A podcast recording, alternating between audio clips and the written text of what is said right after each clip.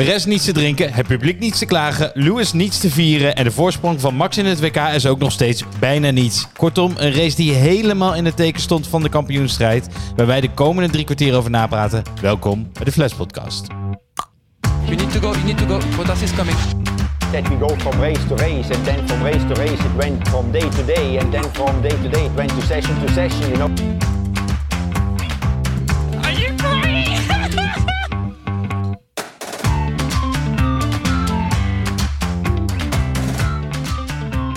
Hallo allemaal en welkom bij de zeventiende aflevering alweer van de Flats Podcast, waarin de meest amateuristische experts van Nederland hier bijpraten over de zin en vooral ook de onzin van de afgelopen Grand Prix, de Grand Prix van Amerika. Dat hoef ik gelukkig niet alleen te doen, want bij mij zit het vertrouwde team van de twee P's, Pien en Peet. Howdy. Hey, ho- Daar heb je vast over nagedacht. Nou, het schoot me net te binnen eigenlijk, Pien. Gewoon last minute, spontaan. Dat is wel lekker als je dan eh, zo'n jingle zit te luisteren en dan kan je van alles nog bedenken. Ja, zeker. En ik maar werken. Zo is het. En jongens, wel een klein wonder dat jullie er allebei zitten, geloof ik. Pien, jij komt uit eh, Oost-Europa met de trein 16 uur onderweg. Jazeker. Wel leuk, bedankt dat je er bent. Ja. Peet, jij hebt er een leuke avond van gemaakt gisteren met de Grand Prix. Nou, ik moet wel zeggen, die Grand Prix om 9 uur s'avonds op zondagavond is eigenlijk levensgevaarlijk, ben ik achtergekomen. Want eh, ik ben in de kroeg gaan zitten eh, met eh, een clubje met wie ik vaak Formule 1 kijk. En dat was gewoon heel gezellig. Laten we het daarop houden. Dus, eh, maar dat, dat moet niet elke, elke race gaan gebeuren. Dan laten we, laten we het zo, eh, zo zeggen. Ik Nou, heb echt een tegenovergestelde ervaring gehad. Vertel. Ik moest echt mijn best doen om nog wakker te blijven. Normaal is zondag rustdag. Oké, Ja, oh, maar bijna slaap. Oké. En jij dan Bramster? Oh, we hebben samen gekeken. ik was de reden dat jij bijna in slaap viel. ja, ja. Maar nog bedankt daarvoor. Maar ik moet wel zeggen, het is wel leuk om in de kroeg te kijken. Kan ik wel aanraden hoor. Dus eh Rotterdamse eh, kroegje. Eh, mensen waren echt Oeh. betrokken. En je staat gewoon te juichen alsof er, eh, alsof er gescoord wordt bij een voetbalwedstrijd. Dus maar dat je dat hebt vond ik wel gaaf. Ja, maar je hebt niet zo vaak zo'n avondwedstrijd. Dus je hebt de volgende, eh, Volgende twee keer? weken heb je er weer eentje. Ja, dus ik kan, Dat nou, de- wat dat betreft nog wel een tip. Niet zozeer voor mijzelf, maar dan voor anderen. Volgende keer is volgens mij ook 8 uur 's avonds Mexico. Doen. Ik zou het een keer in de kroeg gaan Maar kijken. eigenlijk is het ook net zo veilig. Het is veiliger als je overdag eigenlijk in de kroeg gaat zitten, toch? Dus lig je er tenminste nog op tijd in. Ja, veilig. dat is waar. Oh, die zijn veilig. Daydrinking. Ja, Ja, maar kun je, je gaat toch niet om twee uur 's middags. Het voelt toch anders. voelt, voelt beter. Hey, laten we meteen naar die race gaan kijken, jongens. Want ehm, we hebben weer een, eh, volgens mij, een klassiek spannende, maar geen spektakelrace zitten kijken. Waar uiteindelijk natuurlijk Max heeft gewonnen. Eh, Drive to Survive heeft zijn werk gedaan. Want we zagen volle tribunes. ehm, en, en volgens mij voor de, voor de Niet Leek best een heel leuke race. Hoe, vonden jullie hem? Nou, mee- mee eens. Hè. Dus het was niet qua wheel-to-wheel action. Dat, die mooie term was het misschien niet de meest eh, spectaculaire race ooit. Maar het begin eh, was boeiend en aan het eind was het gewoon super spannend. Dus ik denk, en, en tegelijk was het strategisch natuurlijk een mooi steekspel. Dus als je wat meer van Formule 1 weet, en ik hoop dat we dat een beetje hebben weten te bereiken dit jaar, ook voor anderen, dan is het echt wel een leuke race om te kijken. En dat, dat slot maakt het toch weer echt een mooi avondje tv kijken, wat mij betreft. Ik vind het wel, ik vind twee stop races eigenlijk heel leuk. Ja, dat is wel leuk. Ja. ben ik achtergekomen. Omdat dan de eerste pitstop is dan geweest. En dan denk je, oeh, nu weet je wel, bijvoorbeeld nu heeft iemand een voorsprong, iemand achterstand. Maar dan komt de tweede en dan kan nog alles gebeuren. Dus zo, blijf je wel, zo blijft het wel spannend als je een beetje... Ja. En dat had eh, deze race misschien ook wel nodig, eh, zeg je. Ja, maar misschien wel. Ja, Ja. Het einde was heel spannend. En 400.000 man, hè?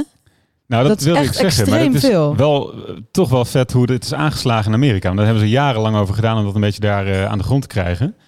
Eh, maar dat Liberty Media heeft dat toch wel een beetje zo, zo voor elkaar. 400.000 Door. Drive to Survive. Me- vooral inderdaad. Ja, dat denk ik ook wel, ja. Met, en dat was wel grappig, want toevallig heeft Max dit weekend ook gezegd... er wordt zoveel drama gezocht in die serie, ik doe er niet meer aan mee. Hij werkt er niet meer aan mee. Hè? Hij gaat dit Hij seizoen, gaat niet meer meedoen. Nee, hij, Nee. Dit, is, dit seizoen wil hij niet aan meewerken. Maar in Amerika heeft het absoluut gewerkt. En dat vind ik wel gaaf om te zien. Eh, overigens waren er ook wel goede optredens, moet ik zeggen hoor. Cool in the Gang zaterdagavond. Zou, ik- Ja. zou ik ook leuk vinden. Billy maar Joel? De, de, Billy Joel, zeker. Wel Billy overduidelijk Joel, een ouder... volgens- de- Ja, ja, Billy Joel. Volgens wie? Volgens Olaf. nee, echt. Billy Joel. Zei hij dat? Ja. Billy Het is wel overduidelijk een oudere demografie die daarop afkomt. Maar ehm, het was Nee. wel leuk. Maar en heb je dus gezien, die, die, nou ja, ik heb het dus net ook al gezegd. Maar als ze dus we niet wil afgeven dat Amerikanen over het algemeen vrij dik zijn.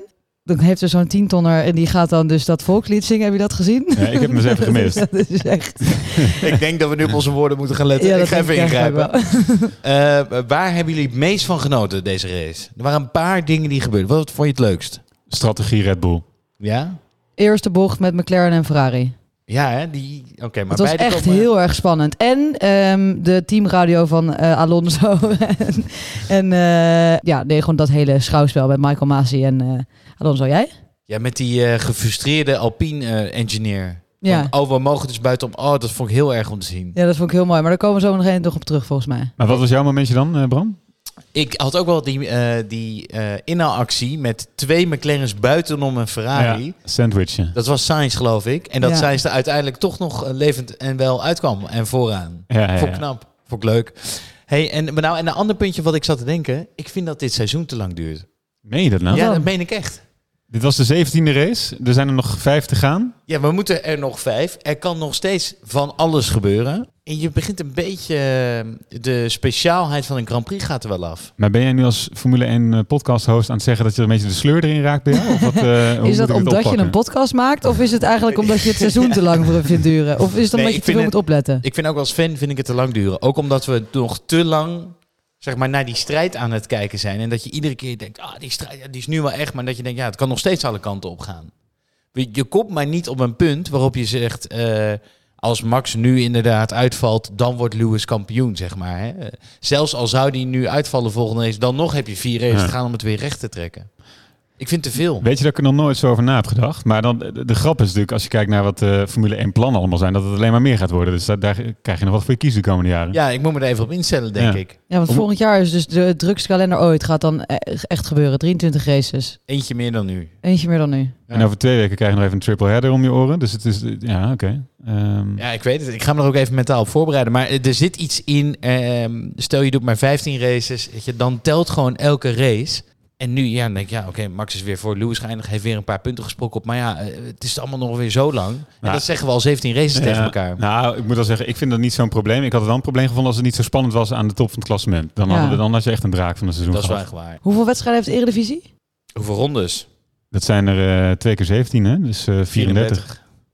Nou, daar heb je het al. Point mate. Oké, hey, laten wij zoals altijd ehm, de race bespreken aan de hand van de coureurs en hoe ze gefinished zijn. Wij, gefinished zijn. Wij lichten er zes stuks uit die ons opvielen. En we beginnen voor het eerst weer sinds tijden bij de winnaar Max Verstappen. Pien. Ja, die was van mij, Bram. Oh, Ik schrik Ik me zit hier he- helemaal dood. ik denk, god heb ik dit niet voorbereid. Zal ik hem gewoon doen? pak hem over. Ah, Oké. Nee, ja, Max Verstappen inderdaad beleefde een onwijs mooi weekend. En misschien eh, volgens eh, velen onverwacht pakt hij uiteindelijk de winst. Want op het circuit waar Mercedes zes van de acht eerdere edities won... pakte hij zaterdag al pol en won hij gisteren na een wat stroeve start weliswaar... en een rete spannend slot. Ook gewoon de race en pakte hij de volle buit. En dat werd als volgt gevierd op de boordradio na de hand.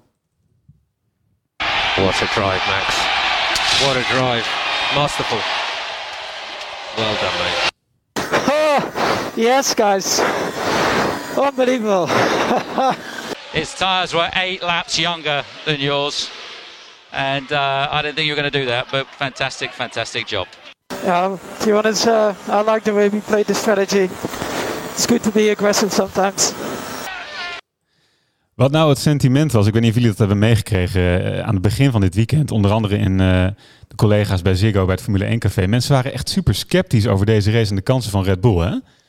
En het is eh, daarmee extra knap, vind ik wel, dat, dat, hij, hem, eh, dat hij hem gepakt heeft. Maar wat, eh, waarom heeft, laat ik het even de vraag aan jullie stellen, jongens. Waarom heeft hij de race gewonnen? Want de, auto, de auto's zijn aan elkaar gewaagd, maar Mercedes zou normaal gesproken sneller moeten zijn. Waarom, waarom wint Verstappen dan toch deze race?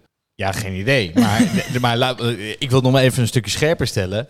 Ik, ik was in principe gewoon huilend in mijn bed gaan liggen twee weken geleden. Van ja, het is klaar met het kampioenschap. Jij dacht er net zo over. Ja, omdat ik Bottas in de kwalificatie en hoeveel sneller was hij toen? Echt een Viertiende of zo. viertiende. De race met twee vingers in zijn neus. Zet nog even de twee snelste raceronden aan het einde. Max nergens te bekennen. Ik denk, nou, daar gaan we. Moment. En opeens, de hemel zijn geprezen. Een turnaround die, die niemand aan had zien komen. Zelfs Tom Zo- Coronel niet. Dit wilde ik net zeggen, ja. Tom, zelfs Tom Coronel heeft in de uitzending gezegd dat hij helemaal niet meer Hij had zeker weet. hè? En maar moet je je voorstellen, als de meest eh, oranje bril persoon van heel Nederland zelf zegt dat het er niet meer gaat lukken, dan is het sentiment echt negatief. En dan Ja. krijgen we vrije training 1. Een seconde sneller, die Mercedes. En denk ik, nou ja, eh, klopt. Hè? Het klopt dus allemaal Mhm. inderdaad. Dus ik lig nog steeds huilend in mijn bed. En dan gedurende het weekend komt er een miraculeuze Ja. comeback van Red Bull. Ja, en dat is wel echt opvallend. Dat, dat zie je niet zo vaak. Dat in het weekend zelf de, de, de kansen nog draaien, zeg maar. Want na vrijdag inderdaad dacht iedereen, dit wordt hem nooit. Moet ik wel zeggen, Verstappen heeft blijkbaar geen enkel rondje ro- zonder verkeer kunnen rijden. Dus dat zal ongetwijfeld niet meegeholpen hebben. Maar zaterdag inderdaad, bizarre turnaround. Maar is het zeg maar, ik weet niet of we dit mirakel kunnen en moeten gaan verklaren hier, maar om een beetje in de Louis van Gaal termen te, krij- te denken, is Red Bull nou zoveel beter geworden of is Mercedes zoveel slechter geworden? Nou, dat vind ik... Maar Red Bull heeft in ieder geval na Turkije eh, de- wel weer de, de boel eh, weer goed gekregen in dit weekend. En dat is super knap. We komen straks in de lekenvraag even terug op wat er allemaal achter de schermen nog gebeurt. Eh, tussen zo'n vrijdag en zaterdag. Maar het is super knap dat ze het gedaan hebben. En die auto was uiteindelijk in de race gelijkwaardig, zou je kunnen zeggen. Topsnelheden, Mercedes lagen waarschijnlijk wat hoger. Maar kwalificatie was max twee tienden sneller uiteindelijk. Echt Ja, bizar. ja. Eh, eh, de enige verklaring die ik voorbij heb zien komen was dat Adrian Newey, de, de ontwerper van Red Bull, die heeft er een paar races uitgelegen door een fietsongeluk. dat hoorde ik ook. En die was nu weer terug voor het eerst. Nou, wie weet. En, en ja, blijkbaar is dat ehm, een, een halve god als het aankomt op Ja. auto-ontwerpen. Hij gaat in ieder geval heel lang mee in de Formule 1. Ja. Dus eh, blijkbaar heeft hij die heel veel een grote rol gespeeld in die afstelling. Of dat is een theorie die ik heb gelezen. En wat, eh, wat Verstappen hier op die eh, boordradio ook aangaf, hè, de, daarnaast gewoon een vette strategie, toch? Dus ik vind het wel ballen dat ze, ze hebben gewoon initiatief genomen in, in, in de pitstop bepalen. Niet gekeken naar Mercedes, zelf vroeg naar binnen, ronde 10, eerste pit. Super mooie undercut, hè, want Versta Hamilton lag op dat moment één.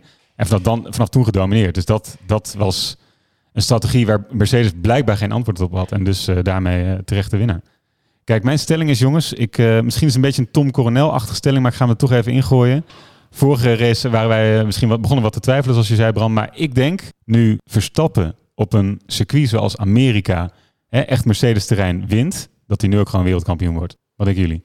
Ik zit even te rekenen. Want volgens mij zijn de komende twee, kunnen we nog wel zeggen, Mexico en eh, Brazilië? Brazilië? Brazilië, die zijn voor hem. Dus, en laten we zeggen, Lewis wordt tweede. Dan pakt hij daar 14 punten extra. Dus Ja. dan komt hij op 26 punten. Ja, precies een raceje aan... eh dan zou je nog een keer niet kunnen finishen. Als je ervan uitgaat dat ze dus 1 en 2 worden, bedoel je? Ja, daar ga ik wel Ja. vanuit. Maar eh, heb je gezien wat voor klassen apart ze waren met Ja, tweeën? 42 seconden is dat Perez achter Hamilton Daarom. en Max. Hè? Daarom. Dus ik verwacht wel dat ze 1 en 2. Dus dan heb je de buffer om daarna drie keer tweede te worden. En dan win je met drie punten. En Dus dan heb je dus nog maar, dan heb je wel, heb je trouwens nog twee nieuwe circuits, hè? Dus Ja. dan weet je, dat is wel lastig inschatten. Dus inderdaad, Mexico en, en ehm, Brazilië zijn dan Red Bull-achtige circuits. Maar dan is, komt er weer dus een hele wereld die we niet kennen. Ja, maar dus ervan uitgaande dat hij daar dan tweede wordt drie keer. Ja, het worst case, wat mij betreft. Ja. En dan heb je wel de buffer om wereldkampioen te zijn. Dus je bent, zijn jullie het eens met de stelling? Is dat wat ik, eh, wat ik hoor? Is er weer Ja. wat optimisme terug in deze podcast? Naar deze live reken, rekensom, rekensom. Ja, maar, dat- maar, maar zo heb ik het wel echt ervaren gisteren. Dit is best wel een breekpunt in het seizoen. Eh, we- wederom, hè, er zijn er meerdere geweest dat hij in Frankrijk won. Ook een Mercedes-terrein was ook een bizar moment. Maar dit was ook echt wel een kantelpunt. Eh, echt een bepalende uitslag wat mij betreft. ik vind het geen breekpunt, maar het geeft wel weer hoop. Nou, ik ben het wel met je eens, Peet. Het is het momentum wat onderbroken wordt van Mercedes. Ja. dat heel belangrijk was. Ja. Oké, dan ga ik het oneens met jullie zijn, gewoon voor het verhaal. Oké, dan kom, zeg maar wat. Hamilton, die, die, eh, die komt nog wel terug. Oh ja? Hoe dan? Waar dan? Ja, gewoon eh, via, de, via de A2 eh, zo richting, eh, richting bocht 3. Maar goed, en, en, en dit allemaal gezegd. En je ziet dus hoe snel het nu om kan slaan in zo'n weekend in het voordeel van Red Bull. Het kan toch ook wel weer zo omslaan de andere kant op. Ja, dat is wat ik wilde zeggen. Ja, tuurlijk. Dus je, kan, je kan alleen, denk ik, kijk, eh, je kan wat verwachtingen doen rondom wat je ziet van de coureurs nog goed te doen. Maar een, een dit not finish, één uitvalbeurt en het draait zich om. Maar dat kun je niet, dat kun je niet voorspellen. Dus zonder uitvalbeurten bij Verstappen, denk ik dat hij kampioen wordt. En eigenlijk, wat eh, misschien ook wel voor jullie punt dan wel in het voordeel werkt, is dat Hamilton misschien nog een motor moet wisselen. Ja, Ja, dat is betrouwbaar. Dus dat is misschien straks nog even op bij eh, Bottas. Maar dat dus- is wel even een dingetje aan het Ja, worden. nou, sp- hartstikke spannend allemaal. En we hebben, we hebben weet ik niet hoeveel cliffhangers nu opgehangen voor dit punt. Dus laten we snel doorgaan. Ehm, en dan kijk ik eventjes in het draaiboek. Waar gaan we ook alweer naartoe? Oh, we gaan nu naar de lekenvraag van de week.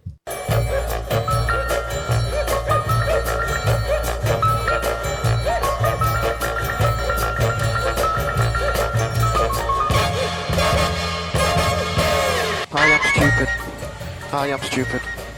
I switch off everything.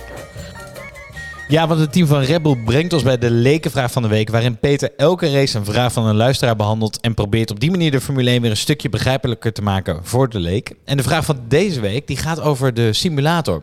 Want we weten dat de reservecoureur Albon, vorig jaar een van de twee coureurs van Red Bull, heel belangrijk werk doet in de simulator, elk weekend en tussen die weekenden door. Maar Peet, wat bedoelen ze daar nou precies mee? Ja, dit is een steeds belangrijker wordend element in de Formule 1. Dat kun je je voorstellen met eh, eh, de digitalisering van feitelijk alles. Maar er zit veel meer achter alleen eh, eh, Verstappen en Perez bijvoorbeeld bij Red Bull kijken dan, dan alleen Albon. Je hebt inderdaad Albon, die is altijd ook bij de circuits, hè, die reist mee. Die is ook reservecoureur als iemand uitvalt. Die doet simulatorwerk. Maar je moet je voorstellen, er zijn ook mensen die op de thuisfabriek in Engeland bij Milton Keynes ook simulatorwerk doen. En wat gebeurt er? Dat gebeurt dus, heeft dus ook een steeds groter wordende rol tijdens het weekend zelf. Dus tussen die vrijdag en zaterdag bijvoorbeeld, we hebben het er net over gehad, geen supervrijdag voor Red Bull, wordt er van alles gesimuleerd. Bijvoorbeeld problemen die eh, Verstappen en als feedback terugkoppelen, worden gesimuleerd. Waar zitten die problemen? Dan wordt eerst dat probleem nagebootst en vervolgens worden er verschillende oplossingen in afstelling digitaal getest en die worden weer teruggestuurd naar in dit geval de USA. En dan kunnen ze op zaterdag direct aanpassen. Dus dit is een element wat Red Bull bijvoorbeeld dit jaar best wel goed onder de vingers eh, lijkt te hebben. En wat denk ik meer dan bijvoorbeeld tien jaar geleden eh, nou, toonaangevend en bepalend kan zijn in je weekend. Dus dat wordt bedoeld met simmen. Eh, dat zijn dus een aantal coureurs in een simulator. En dat is dus niet alleen de reservecoureur, ook bijvoorbeeld, en deze naam had je misschien nog niet gehoord, bij Red Bull, Sebastian Buemi, een Zwitser. Gewoon een, gewoon een volwa- Wie volwassen kent hem niet? ja, maar die kerel is dus wel een volwassen eh, coureur, rijdt volgens mij ook Formule E. Maar zit ook gewoon super vaak in een klein hokje in Engeland allerlei dingen van eh, Perez en Verstappen eh, te testen. Het is gewoon eigenlijk heel professioneel gamen. Super professioneel gamen en wel gaaf. Hè? Dus, eh, Ik wilde we hebben het zeggen, vaker, de Formule 1 is techniek en, en coureur. Eh, feedback van coureur, terug naar techniek, draaien, ja, simuleren en weer teruggeven. Ik vind het wel gaaf. ik vind het eigenlijk ondankbaar werk, maar inderdaad, als je het zo verwoordt, klinkt het wel echt vet. Ze zullen de zon niet zoveel zien, eh, denk ik, deze mensen. Hij zal er genoeg voor betaald krijgen. Wie er ook genoeg voor betaald krijgt, en dat is de nummer twee coureur waar we even bij stilstaan, is Daniel Ricciardo, onze publieksviewerlieveling. Hij is 50 geworden. En Pien, jij eh, hebt er wat over meegenomen. Eigenlijk leek het er eventjes op dat Danny Rick het alleen goed deed buiten de baan. De beste man is natuurlijk wel een beetje eh, Formule 1 sweetheart. Veel de honey badger. Iedereen mag hem. Maar op de baan presteert niet zoveel. En hij wordt gewoon eigenlijk flink uitgereden door Norris. Dat hebben we natuurlijk al meerdere keren besproken dit seizoen. Maar hij heeft dit weekend toch wel echt goede zaken gedaan. Nu moet ik even de cijfertjes erbij pakken. Die heb ik hier niet. Ehm, maar eh, hij heeft het wel goed gedaan. Want hè, eh, we hebben het natuurlijk net even kort gehad over de sandwich eh, van de Ferraris en de McLaren's. Ik noem het ook wel de McFair. Netjes. Maar ehm, dat is natuurlijk wel hartstikke spannend. En dit is wel heel bijzonder. Dus de eerste bocht was super spannend. En daarna heeft hij eigenlijk altijd Sainz achter zich gehad. En die heeft hij echt wel goed verdedigd. Ehm, je, kunt, je kan zeggen, hij heeft een beetje mazzel gehad. Want Sainz had eigenlijk een hele langzame pitstop. Maar hij heeft ze toch achter zich weten te houden. En toch wel goede punten gescoord voor McLaren. Want die battle is natuurlijk heel spannend. Want hè, McLaren en Ferrari die zijn dichtbij. En Norris heeft het niet zo heel goed gedaan. Dus alsnog, als je naar de cijfers kijkt, die ik nu wel weer voor me heb. Dan zie je toch wel dat Norris 44 punten voor staat op Ricciardo. En Ja. het, de kwestie van wennen, die mag je eigenlijk niet meer, niet meer doen. Dus eigenlijk mijn vraag, hebben jullie nu weer een beetje vertrouwen in Ricciardo na zo'n race? Of denken jullie alsnog van...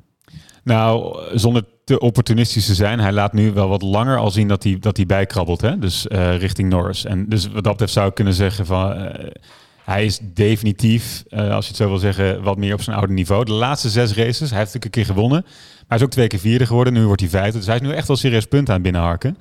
Ik denk niet meer dat Norris gaat hij niet meer, niet meer achterhalen. Maar voor volgend jaar is het gewoon top voor zijn zelfvertrouwen. Ja, zeker. Ik denk na die winst, dat heeft iets in hem losgemaakt hoor. Dat zie je wel. Want hij is nu voor Norris geëindigd. Ik weet vorige race niet meer, maar de race... Nee, daarvoor wel natuurlijk, wel. ja. Dus hij, en dat gebeurde echt niet aan het begin van het seizoen. Dus dat momentum zit er wel in voor Ricciardo. Maar hij is nog wel heel wisselvallig. Want Istanbul was wel echt weer een belabberde race. Is die iets van twaalfde geworden, geloof ik. Ja, maar is het dan inderdaad omdat McLaren dan wisselvallig is, omdat Ricciardo wisselvallig is? Want het Ja. team zelf is natuurlijk ook niet elke baan Dat- even goed. Als ik een interview met Zack Brown eh, goed las van de week, dan, dan is hij ook wel kritisch op, op de, laten we zeggen, de wisselvalligheid van eh, McLaren als team. Dus dan, dan zou eh Ricciardo daar niet alles aan kunnen doen. Maar wat super knap is, gisteren nog even terug naar die race. Hè, die Ferraris leken sneller dan McLaren. Die waren ook sneller, en die heeft ja. hij dus wel gewoon achter zich gehouden. Dus verdedigend, heb ik ook eerder al gezien dat die keer Hamilton heel goed achter zich hield. Eh, verdedigend staat hij ook echt zijn mannetje. Dus dat, dat is gaaf. En eh, de beste lieve man heeft natuurlijk ook een dirty move gemaakt, hè? zoals Sainz dat zei. Dus hij heeft ook wel. Sainz eraf geduwd. Even eh, zijn uh, cojones eh, in de strijd gegooid. Ja, waar Sainz volgens mij claimde dat het bewust was, maar zo leek het nou ook weer niet te zijn. Maar hij was gewoon lekker uh, elleboogjes breed aan het houden. Jawel, Ric Ricciardo heeft achteraf gezegd dat dat inderdaad... Expres? Ja. Ik vond het echt heel mooi zelf dat hij dus zo'n move had gemaakt. hij zei, ja, ik ben altijd maar die lieverd en, eh, en nu heb ik eindelijk iets, iets fout gedaan. Zoiets. Maar ik heb in ieder geval nog even een klein fragmentje meegenomen. Ik heb hem al op social media gezet. Maar om heel even nog even wat vreugde buiten de baan van Danny Ricciardo mee te nemen. Want ehm, hij is gek op Amerika. En dit is zijn lievelings Grand Prix. En eh, hij geeft dus ook vaak, dan heeft hij dit weekend interviews gegeven met een Texas accent. How are you feeling about this weekend? I know you love America. Do you reckon you guys can be a force around here? One does. Uh, I, I think we can be a hell of a force because, well, 2019, uh, those papaya cars gave me a real headache in the race. Uh, I saw both of them in my mirrors for a lot of the time, and I do believe their car is a step or two steps better than it was 24 months ago. So I'm now in that papaya car, the McLaren as we know it, and uh, I feel joy in my heart to be able to drive it at force around the COTA circuit. Oké, okay. nou, goede Ja, imitatie en, toch? En dan ook nog de, de, de outfits erbij. En de beard had hij helemaal geshaved. Hij zat helemaal zijn element naast die baan. Danny, Danny is, is back, zouden we kunnen zeggen. Danny de Redneck is back. Statement 2 van deze show. ja, gaan we verder. Want uh, wie eigenlijk helemaal niet back is, is Valtteri Bottas. Nieuw! Peter. Ja, en het was wel interessant om te zien hoe, uh, hoe hij na zo, zijn winst in Turkije, of hij nou die stijgende lijn kon, kon doorzetten. Hè?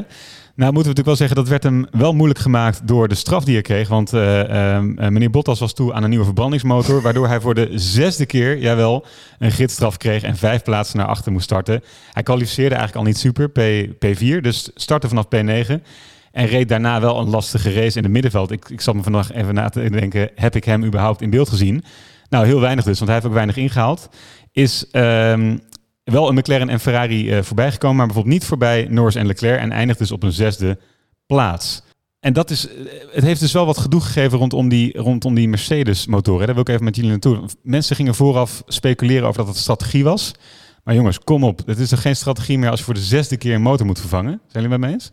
Nee, en hij heeft zoveel motoren vervangen dat zijn gidsstraf nu kleiner begint te worden. Want als je er dus op een gegeven moment heel vaak gaat, dan vind je het, vinden ze het zo zielig. Is dat, er zit een aflopende schaal in, geloof ik. Hè? Ja, ja. Aflo- vandaar dat hij maar vijf plaatsen heeft gekregen voor deze. Ik dacht, maar heeft dat ook oh. niet te maken met de hoeveelheid onderdelen? Want dit is dan de verbrandingsmotor. Ik dacht dat dat volledige pakket dan tot meer, dat zit volgens mij ook nog een, een element daarin. Nee, dit is wel een fun element, dit uh, fun feitje. Fun fact, dat woord zocht ik. Dit is voor Honda ooit ingevoerd, omdat Honda zoveel motoren moest wisselen. Die hebben op een gegeven moment gevraagd van, ja, mag die straf op een gegeven moment alsjeblieft wat lager, want we schamen ons kapot. Ja. En daar heeft Mercedes nu het voordeel van. Wat mooi, was dat toen ze nog bij McLaren zaten? Ja. Maar over de, over de betrouwbaarheid van die Mercedes-motoren, dat is toch wel een dingetje. Want een van de redenen waarom ik dacht, dit is echt geen strategie meer bij, bij Mercedes en Bottas. Er stonden vier mensen achterin uh, door een gidsstraf, waarvan drie dus met een Mercedes-motor. Dat was bijvoorbeeld ook uh, Vettel en de rest wel hetzelfde probleem. Dus dat is, uh, dat is wel echt een dingetje. Hè? Ook betrouwbaarheid Mercedes-motor, ook richting de komende vijf races. Want bij Ziggo, bij Ziggo waren allemaal complotten dat het dus... Want dat, dat zeg jij dus dat dat niet meer kan. Want bij Ziggo zeggen ze van... Hey, ze, ze verbranden zijn motor compleet om te kijken hoe hard hij kan gaan. Zodat Lewis weet hoe hoog hij hem kan opschalen. Maar dat is dus... Ja, ik geloof dat niet meer. Te meer, omdat dit je gewoon heel veel punten kost. Ik geloof niet dat, dat, dat er zoveel offers worden gemaakt om maar dingen te blijven testen. Denk je dat ze, denk je dat ze bij Mercedes de kampioenschap van de constructeur belangrijker vinden... of Lewis Hamilton's kampioenschap? Coureur, altijd coureur. Ja? Ja, ieder team, zeker weten.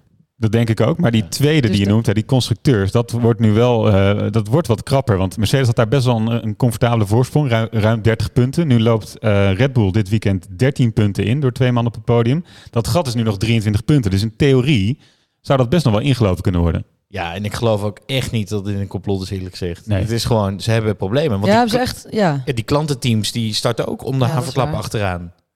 Absoluut. En, en we hebben het al eens eerder gezegd hè, dat Mercedes in zijn dominante jaren niet de 100% eh, bak, volle bak open hoefde te draaien. En nu wordt het spul allemaal tot, tot hun eh, grenzen getest. En, en eh, zijn er toch wat dingen naar boven gekomen. Ja, maar, en, en dus, maar ook bij die klantenteams, die daar andere jaren wel natuurlijk Ja. vol gebruik van maakten. Dus het is, eh, ehm, nee, ze hebben daar een probleem. En Ja. dat wordt in, in toenemende mate duidelijk. Maar nu is inderdaad dus de vraag, gaat Hamilton nog moeten wisselen de komende vijf races? Nou, als je kijkt naar Bette- Bottas zijn eh, frequentie, zou je zeggen dat dat best wel mogelijk is. Ja, toch? En, en Toto die noemt, eh, en dat is natuurlijk ook waar, hè, een DNF zou het meest rampzalige scenario zijn voor Hamilton. Dus je zou, het zou best wel kunnen dat ze het nog een keer doen. Ja, en dan, dan heeft Max weer een, eh, weer een enorm voordeel. Als, Toto, als jij aan Toto zou vragen of het seizoen te lang vond duren, dan denk ik dat het antwoord wel echt zeker ja was geweest. Volgens mij zit ze echt met geknepen billetjes te wachten totdat dit fout gaat. En waar we ook op zitten te wachten. Of wil je niet, eh, wil je nog door? Nou, nog één dingetje wil ik wilde zeggen. hè.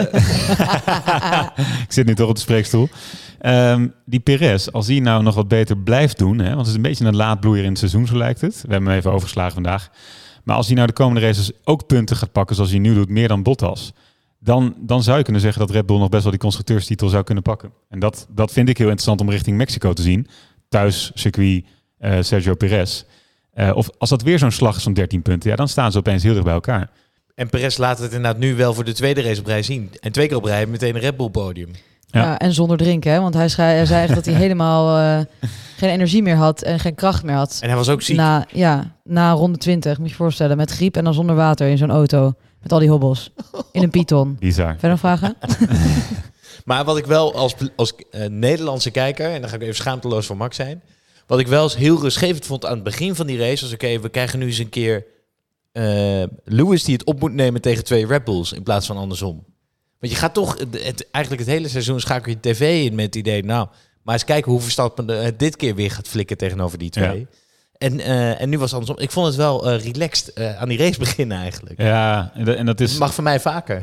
Precies, en dat, dat, maar dit is voor Max ook super fijn, hè, dat Perez er gewoon dichterop zit. Ehm, maar goed, om dit punt over Bottas dan maar af te ronden. we zijn halverwege, dus we gaan even naar de rubriek Buiten de baan.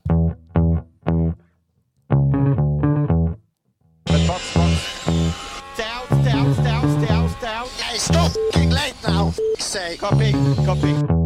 Ja, de rubriek waarin Pien elke week een leuk feitje voor ons meeneemt van buiten de baan. En Pien, we zijn heel benieuwd. Wat heb je deze week voor ons? Ja, ik moest me echt even inhouden om het niet eigenlijk al op het begin te zeggen. Maar ik wil het graag even hebben over de echte winnaar van de race.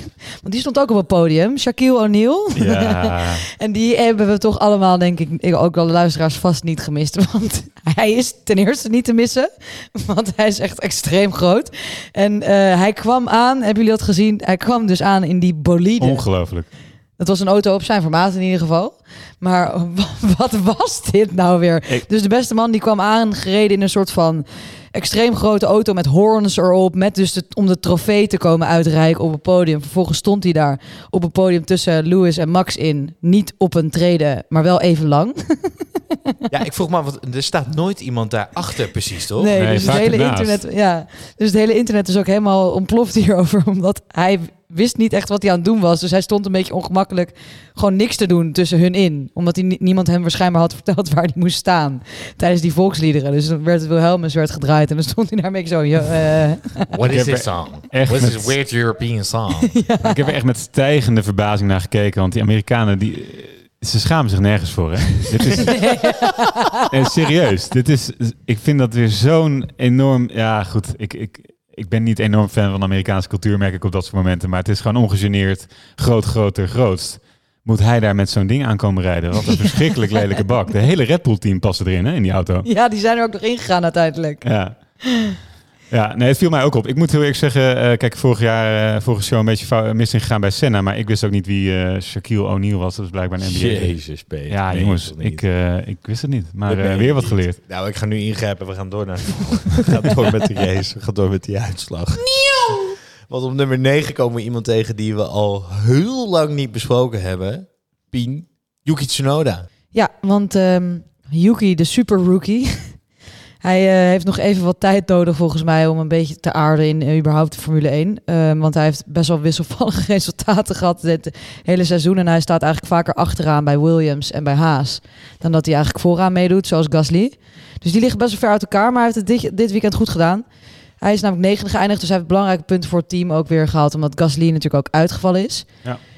En eh, hij begon op een andere strategie hè, als enige. Dus hij begon op de softband. En daardoor heeft hij dus heel veel eh, moois kunnen doen in de eerste stint, zeg maar. En daardoor heeft hij dus die plekken ook goed kunnen behouden. En hij... Vorig weekend hebben we natuurlijk gezien dat hij een Mercedes achter zich had genaamd Hamilton. En opeens ging hij als een trein ging hij rijden. Deze race had hij het weer met Bottas. ook weer als een trein gaan. Dus Bram die zei op een gegeven moment... ja, volgens mij heeft eh, Helmut Marko hem gewoon geïndoctrineerd. Dat als er Mercedes achter je rijdt, Ja. dan ga je ervoor. Maar dat was wel echt mooi om te zien. En dan zie je dus wel dat hij potentie heeft, vind ik. Vinden jullie terecht dat hij is bijgetekend? Of... Nou, dus waar, waar we net wat, wat positiever raakten over Daniel en Sergio, hè, die wat nu een paar keer op rij dingen laten zien, moet Yuki voor mij nog wel een beetje wat langer doortrekken hoor. Wil die eh, mijn vertrouwen krijgen. Dus ja, prima resultaat. Maar ik denk dat ze bij, eh bij Tauri nog wel achter de oren krabben of dit nou echt een goede keuze was voor volgend jaar. Maar eh, ik hoop het met, en met mij denk ik heel Japan. Ik hoop dat hij die laatste vijf races gewoon goed rijdt. Laat hem maar een beetje vertrouwen opbouwen. Dan kun je, dan kun je een prima tweede jaar ingaan met dat vertrouwen. Maar hij moet wel even iets constanter worden. Ja, zeker als je ziet wat Gasly uit die auto haalt. Normaal gesproken. Als het niet uitvalt. Ja, dan moet je, dan, dan moet je hoog kunnen eindigen natuurlijk. Alleen, eh, ik vind het wel een leuk figuur om erbij te hebben. Ik ook. Zeker een kleurrijk figuur. Maar dat schelden doet hij niet meer, toch? Ja, dat weet ik niet. Daar je hoort je natuurlijk niet alle boordradio's op zich. Ja, je zou denken dat je het wel zou kunnen vinden als het wel zo was. Maar in Saoedi-Arabië mag je bijvoorbeeld ook niet schelden. dat wordt voor hem wel een ding. Moeten we niet, is dat niet onze twintigste aflevering? Moeten we dan niet een weddenschapje gaan doen met z'n allen? Dat we zeggen, oké, gaat Yuki Tsunoda het overleven zonder gescheld in dat weekend? Of niet?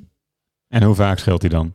Die wil je nu, die wil je nu sluiten of hebben we er nog even de tijd voor? Dan kunnen we nog Ja, even daar nadenken hebben hoe we gaan formuleren. En, en een consequentie eraan verbinden. Ja, dat denk ik wel. Zou die nog steeds in dat eh heropvoedingsoord zitten in Italië? Want dat, dat Oh, was ja. toch begin seizoen het geval. Mag hij daar alweer uit? Of zit hij nog steeds Nee, in, nee, eh, dat werkt als een trein. in het tuinhuisje bij Helmoet? Marco heeft gewoon, die laat hem gewoon foto's zien van Mercedes. Ja, als je dit in je spiegel ziet, dan moet je keihard rijden. Ja, het werkt. Dus die blijft er nog wel even. Oké. Het Nou, dan werkt het toch zijn vruchten af. Ja.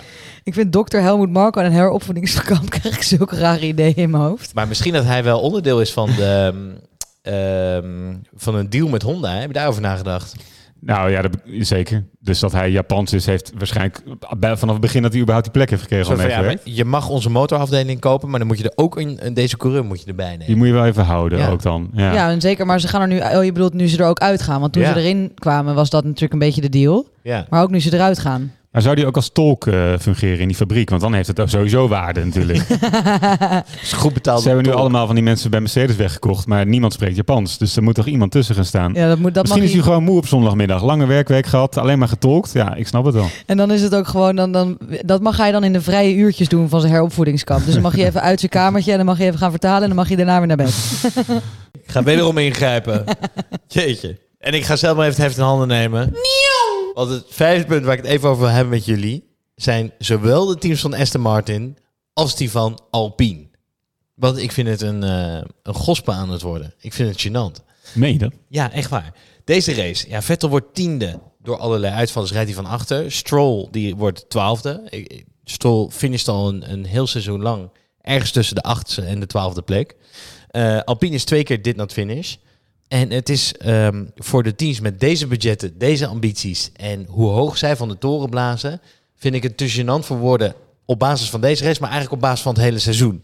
Dat is, denk ik, je moet een klein beetje gaan aanpassen aan de resultaten die je boekt op de baan. Dus ehm, Alpine eh, neemt heel veel praatjes mee. Eh, die hebben natuurlijk wel een keertje gewonnen dit jaar. Maar uiteindelijk liggen ze maar 10 punten voor op Alfa Tauri. Nu. En zij hadden vorig jaar een budget wat ruim 100 miljoen euro Ja, meer dat was. is echt heel triest. 100 miljoen meer? Vorig jaar, voor dit jaar is het niet helemaal bekend, maar voor vorig jaar hadden zij 100 miljoen euro meer. En sta je nu 10 punten voor op dat team. Met Alonso binnengehaald. En, en natuurlijk, en die heeft ook wel leuke dingen laten zien. Maar als team is het toch gênant. En nu twee keer dit naar het finish.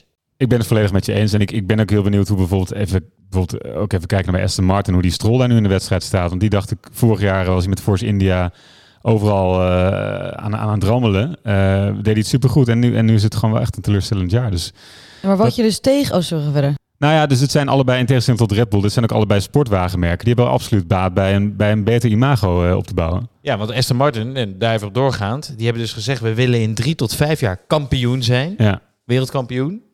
Eh, ze zijn nu een nieuwe fabriek aan het bouwen met die investeerders Stroll, Papa Stroll, die daar zit. Ja. Ehm, en staan dus de zevende, staan 32 punten achter op Alfa Tauri. Eh, en ze staan dus dichter bij Williams naar beneden dan dat ze naar. Alpine naar boven staan. Maar zo'n ambitie uitspreken doet me ook een beetje denken aan, aan Vitesse een paar jaar geleden in de Eredivisie. Daar zei die Russische eigenaar ook, eh, hè, binnen, binnen drie tot vijf jaar worden we kampioen en spelen de Champions League. Dus het, is wel, ja, het heeft wel veel voeten in de aarde. Het, het staat me gewoon een beetje tegen. Ik vind dat team daardoor ook veel minder leuk. Omdat toen ze Force India nog waren, toen was het een beetje de, de, de rebel of de, de underdogs, weet je wel. Die niet zo heel veel geld hadden, maar toch best goed deden boven hun kunnen.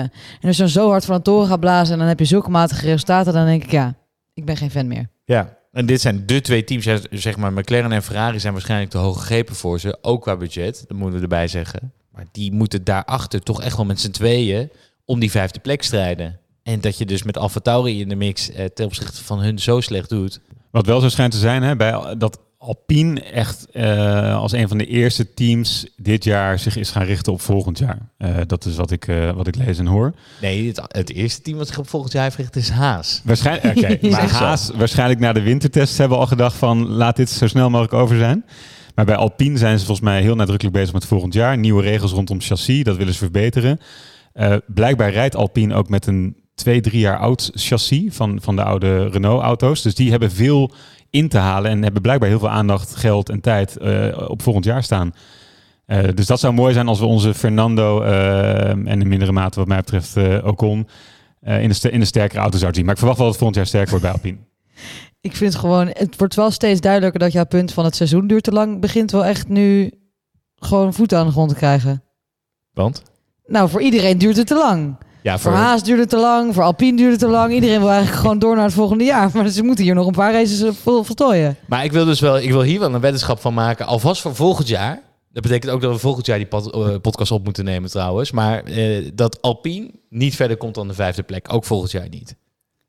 Met een grote praatje van we zijn dus aan het investeren in dat je. Het zit er gewoon niet. Het zit er al jaar op jaar op jaar zit het er niet in. Of ze nou Renault of Alpine heten. Ze maken hun eigen pakket. Ze zijn notabene een fabrieksteam. Het zit er gewoon niet in. Zijn zij ooit echt wereldkampioen geworden? Dan gaan we daarna weer terug naar de wedstrijd hoor. Ja, Maar ja, ja, ja. Ja, Renault zeker. Hallo, ik ben Piening. Ik heb een podcast over Formule 1. En ik weet niet dat welk Alonso jaar met dan? Renault... Welk jaar dan? 2006 Oh, en ja. 2007. Alonso. Alonso. Oh ja, oh ja, ja, grapje. grapje. Maar goed, dat ze, niet, dat ze volgend jaar niet verder komen dan de vijfde plaats, dat, ben ik, dat ben ik direct met je eens, Bram. Dat, dat, dat, maar goed, van zeven naar vijf zou voor hun al een verbetering zijn. Maar voor, voor, voorbij McLaren, Ferrari en Mercedes Red Bull gaan ze volgend jaar natuurlijk niet komen. Dus vijf is maximaal haalbaar.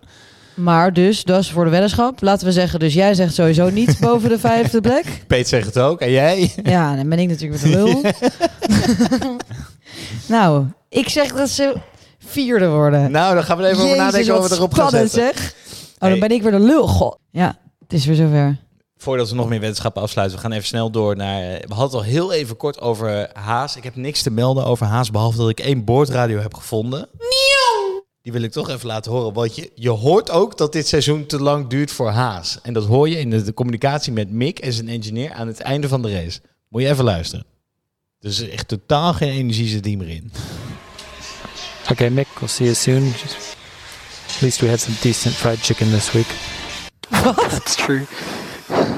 We'll see. We'll call it a winner winner chickens dinner, right? There you go. Next year.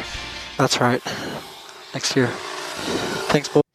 Nou, Ja, hebben we er zin in. hier spat de levensenergie niet vanaf. Maar stond zijn water misschien ook niet aangesloten op zijn op zijn rug, dat hij zo kapot is, joh? Dit is na de race, toch? Dus na de race, ja. Ja, nee, zit spat weinig energie Ja, maar die vanaf, engineer ook niet. So at least we had some decent fried chicken. ja, Ja, dat is als echt dit... ongelooflijk. Als dat je hoogtepunt is van een weekend race, hè, dan is het wel echt een...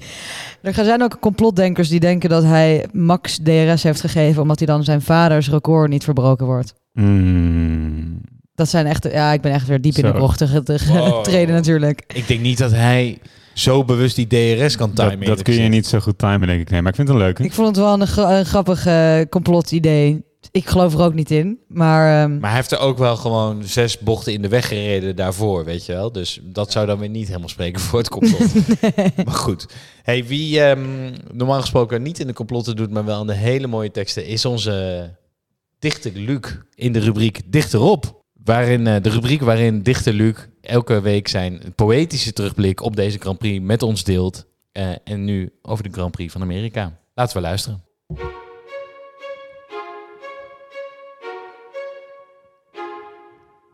Fernando made it pretty clear. He said you have to leave it the space. All the time you have to leave it the space. Yes.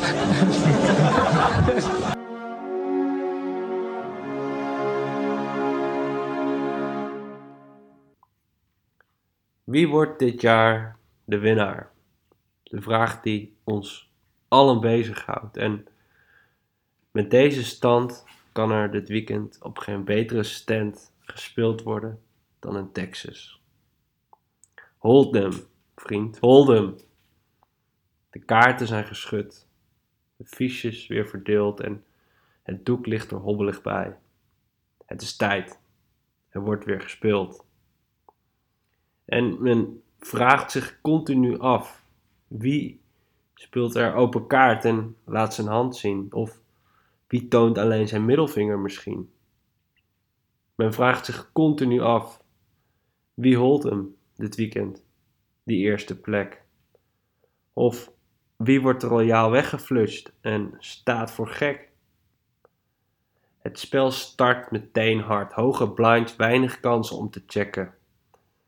Op de river zijn Max en Lewis weg. Pech voor Perez en de rest. Volt, volt, volt. Aan een verliezerstafel gokken Kimmy en Gio nog voor de winst van een punt. Het is ze gegund. Maar de finale tafel bestaat uiteindelijk uit twee spelers.